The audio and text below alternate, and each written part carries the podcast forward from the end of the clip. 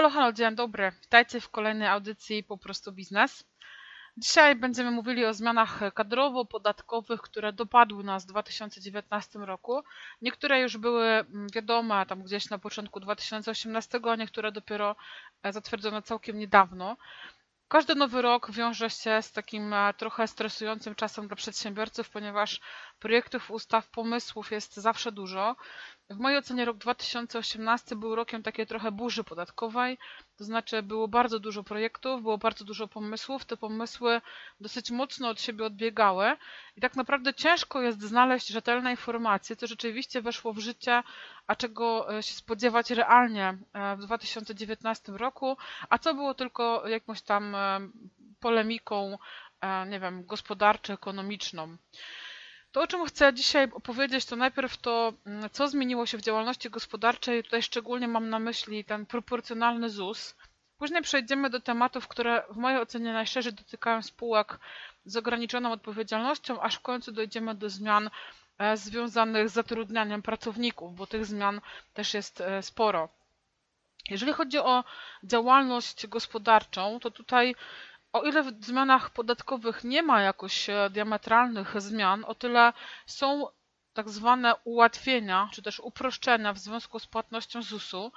Mamy dzisiaj kilka możliwości. Mamy tak zwaną rejestrację e, bez, znaczy firmę bez rejestracji. Możemy prowadzić e, działalność gospodarczą bez rejestracji, gdy nasze przychody nie wynoszą więcej niż połowa minimalnej krajowej. W roku 2019 minimalna krajowa to jest 2250, więc połowa to jest 1125. Jeżeli ktoś nie osiąga większych przychodów niż 1125 zł, nie musi w ogóle rejestrować działalności gospodarczej. Jedyne co musi zrobić to opłacać e, podatek. Podatek rozliczamy na picie 36 i możemy to zrobić dwojako czyli możemy albo opłacać co miesiąc zaliczkę na ten podatek, albo możemy jednorazowo za cały rok rozliczyć się na picie 36 i zapłacić e, podatek. To jest taka zmiana, która już właściwie funkcjonuje od zeszłego roku, natomiast niewiele osób o niej wie. E, druga, e, druga możliwość opłaty do ZUS-u to jest tak zwany mały ZUS. To nadal funkcjonuje przez 24 miesiące od daty rejestracji. Ale mamy też takie uproszczenie, czyli przez pierwsze 6 miesięcy możemy opłacać tylko składkę zdrowotną. To jest takie ułatwienie, firma na start, różne są tego nazwy, e, czyli przez pierwsze 6 miesięcy płacimy tylko składkę zdrowotną, przez kolejne 24 płacimy mały ZUS, więc realnie mamy 30 miesięcy na to, żeby doprowadzić do sytuacji, gdzie e, ZUS będziemy musieli płacić e, w pełnej wysokości. Mamy też e, nowy e, przepis związany z ZUS-em, który się opłaca proporcjonalnie w stosunku do przychodu. E, to liczymy w taki sposób, że bierzemy przeciętny miesięczny przychód, czyli nasz roczny przychód dzielimy przez realną liczbę dni prowadzenia działalności.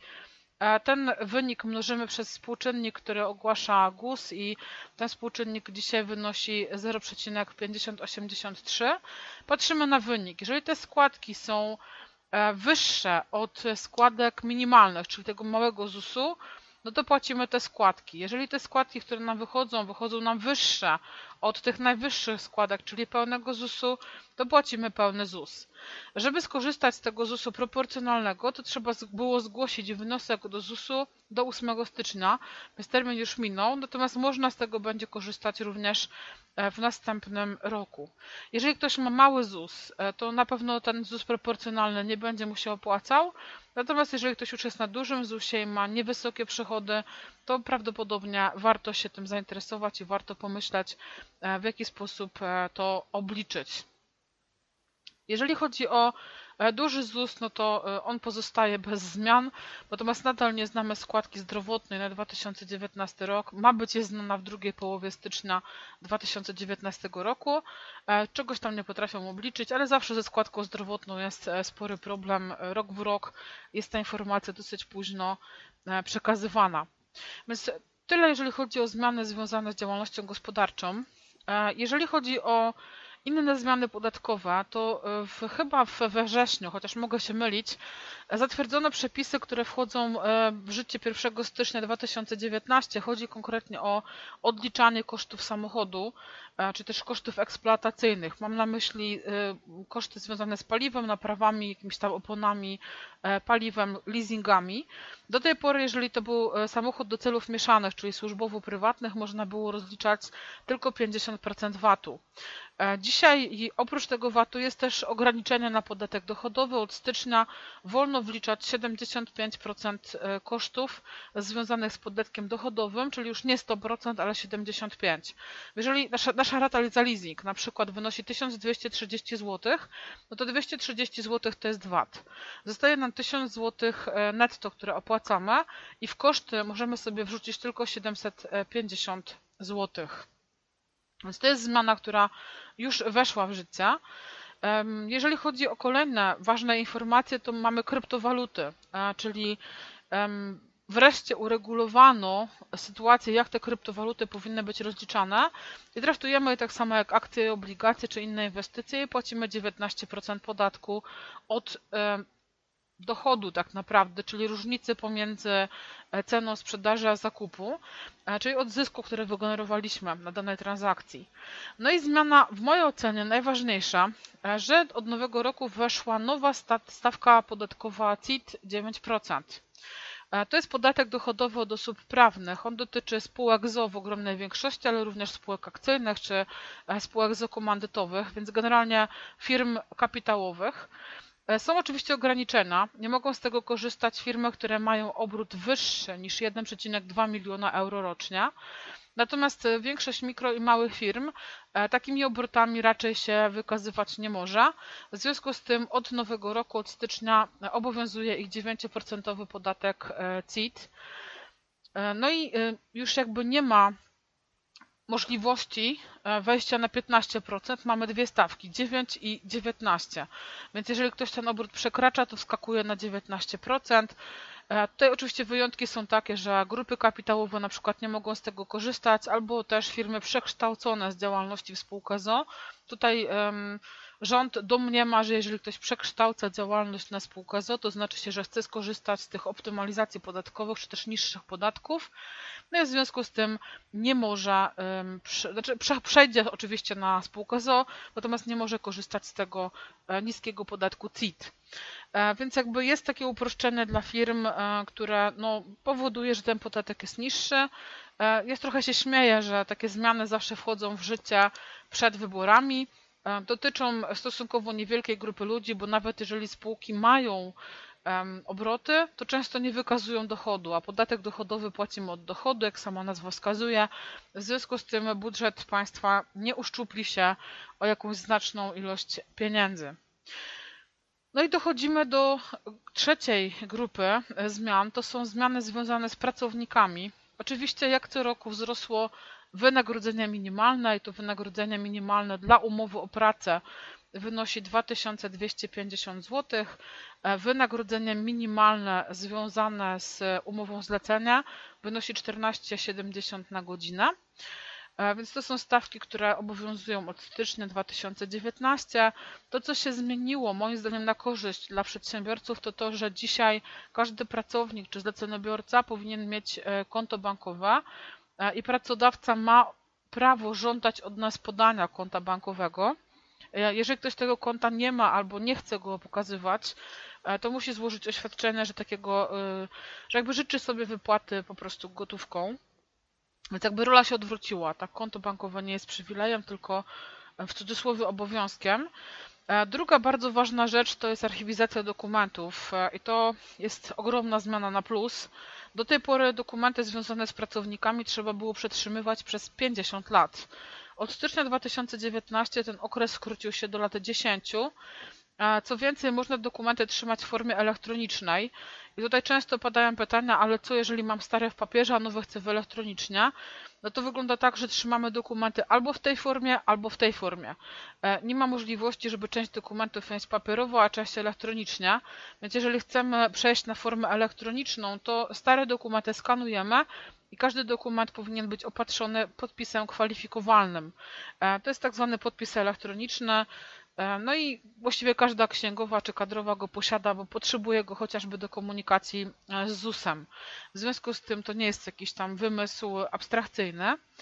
Jeżeli chcemy przejść z dokumentów elektronicznych na papierowo, no to musimy te dokumenty wydrukować i ułożyć zgodnie z procedurą układania dokumentów. Archiwizacja 10 lat. To co ważne, to tej archiwizacji podlegają pracownicy, którzy są na liście pracowników 1 stycznia 2019 albo zatrudnieni później. Jeżeli ktoś skończył pracę 31 grudnia 2018 lub wcześniej, to jego dokumenty nadal powinniśmy archiwizować przez 50 lat. Tutaj na szczęście ZUS zrobił e, furtkę. Trzeba złożyć odpowiednie dokumenty do ZUS-u. Mm, właściwie dane są takie same jak na RP7 e, starym e, i wtedy takie dokumenty mogą podlegać archiwizacji przez lat 10. Tutaj też jest taka zmiana związana z odbiorem dokumentów. Pracownik ma prawo w każdym momencie zażądać od nas kopii dokumentów, akt pracowniczych i my musimy mu je wydać. Po zakończeniu tego okresu archiwizacji, czyli po 10 latach, pracownik może te dokumenty, no, dokumenty od nas odebrać. My powinniśmy je e, po roku, czyli w sumie po 11 latach 10 plus 1 te dokumenty powinniśmy zutylizować wraz z mm, protokołem utylizacji. Jeżeli chodzi o archiwizację dokumentów, w mojej ocenie ogromna zmiana na plus. Ale żeby nie było tak łatwo, to wprowadzono też e, pracownicze plany kapitałowe. Wchodzą w życie w lipcu 2019 roku. E, pierwsze firmy, e, które zatrudniają powyżej 250 pracowników, będą jakby zobowiązane do, e, do, do wykorzystywania tych przepisów od lipca. Druga grupa wchodzi w życie od stycznia 2020 roku i to jest, są firmy, które mają powyżej 50 pracowników. Później mamy 1 lipiec 2020 to są firmy, które mają powyżej 20 pracowników i wszyscy pozostali od stycznia 2021 roku. E, to co ważne, jeżeli mielibyśmy to umówić na przykładzie, co to w ogóle jest ten pracowniczy plan kapitałowy, to mają być pieniądze odkładane na naszych indywidualnych kontach, e, które mają skłaniać ku odkładaniu na emeryturę. A wszyscy wiemy, że emerytur z ZUS-u raczej za parę lat nie będzie, a jeżeli będą to w jakieś abstrakcyjnie małej wysokości. W związku z tym rząd wymyślił sobie, że e, Kiedyś mieliśmy OFE, teraz mamy pracownicze plany kapitałowe. Podobno są opatrzone takimi przepisami, które uniemożliwiają rządowi zagarnięcie tych pieniędzy, natomiast dokładnie takie same zapewnienia dostawaliśmy przy OFE, więc trudno powiedzieć, co się realnie wydarzy. Omawiając to na przykładzie, czyli załóżmy, że jesteśmy pracodawcą, który zatrudnia więcej niż 250 pracowników, jest 1 lipiec, no i co się realnie dzieje?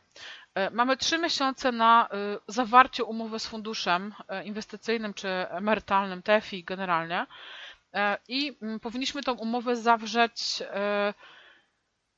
teoretycznie do końca września, natomiast w praktyce wygląda to tak, że za wrzesień wypłaty wypłacamy 10 października, więc powinniśmy tę umowę zawrzeć nie później niż na 10 dni roboczych przed datą wypłaty, czy to wychodzi jakiś tam 27-8 września i pierwsze potrącenia e, powinny mieć miejsce za wypłaty za październik.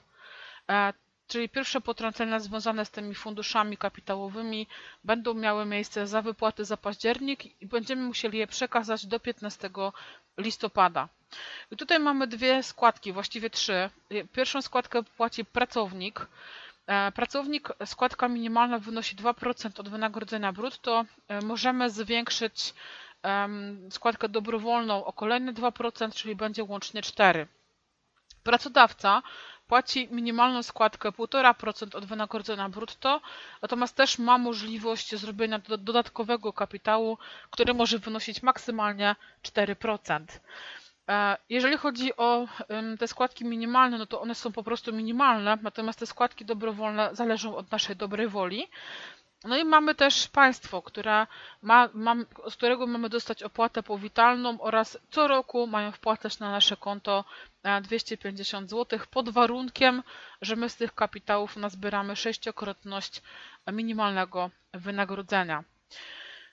Jeżeli chodzi o te pracownicze plany kapitałowe, to w momencie, kiedy e, wchodzimy jakby w, życie, wchodzą te przepisy w naszej firmie, to jesteśmy zobowiązani zgłosić wszystkich podlegających pracowników. Natomiast pracownik oświadczeniem ma prawo zrezygnować z tego e, planu kapitałowego. Taka rezygnacja obowiązuje przez 4 lata. E, Po czterech latach obowiązkowo trzeba tego człowieka ponownie zgłosić, no chyba, że zgłosi nową rezygnację. Więc e, niby są obowiązkowe, ale tak em, nie do końca. Jak w praktyce będzie to wyglądało, pewnie okaże się w lipcu, kiedy pierwsze firmy będą e, zobowiązane e, te pracownicze plany kapitałowe uruchomić. Więc podsumowując, moim zdaniem najważniejsze zmiany na rok 2019 to CIT 9%, e, ZUS proporcjonalne i pracownicze plany kapitałowe wraz z archiwizacją dokumentów, jeżeli chodzi o e, pracowników. Jeżeli ktoś z Was e, waha się, jak zakończyć rok, jak sobie z tym poradzić, mamy styczeń, więc tak naprawdę jeszcze każdy jest myślami w poprzednim roku. Specjalnie dla takich osób przygotowaliśmy taką checklistę, która pomaga w sporządzeniu wszystkich deklaracji, e, czyli można sprawdzić, jakie deklaracje mnie obowiązują, do kiedy muszę je złożyć, czy też do kiedy sprawdzić księgowego, czy to za nas zrobił. E, Taką checklistę możecie sobie pobrać, jest w opisie, link do niej. Zapraszam e, i do usłyszenia kolejnym razem.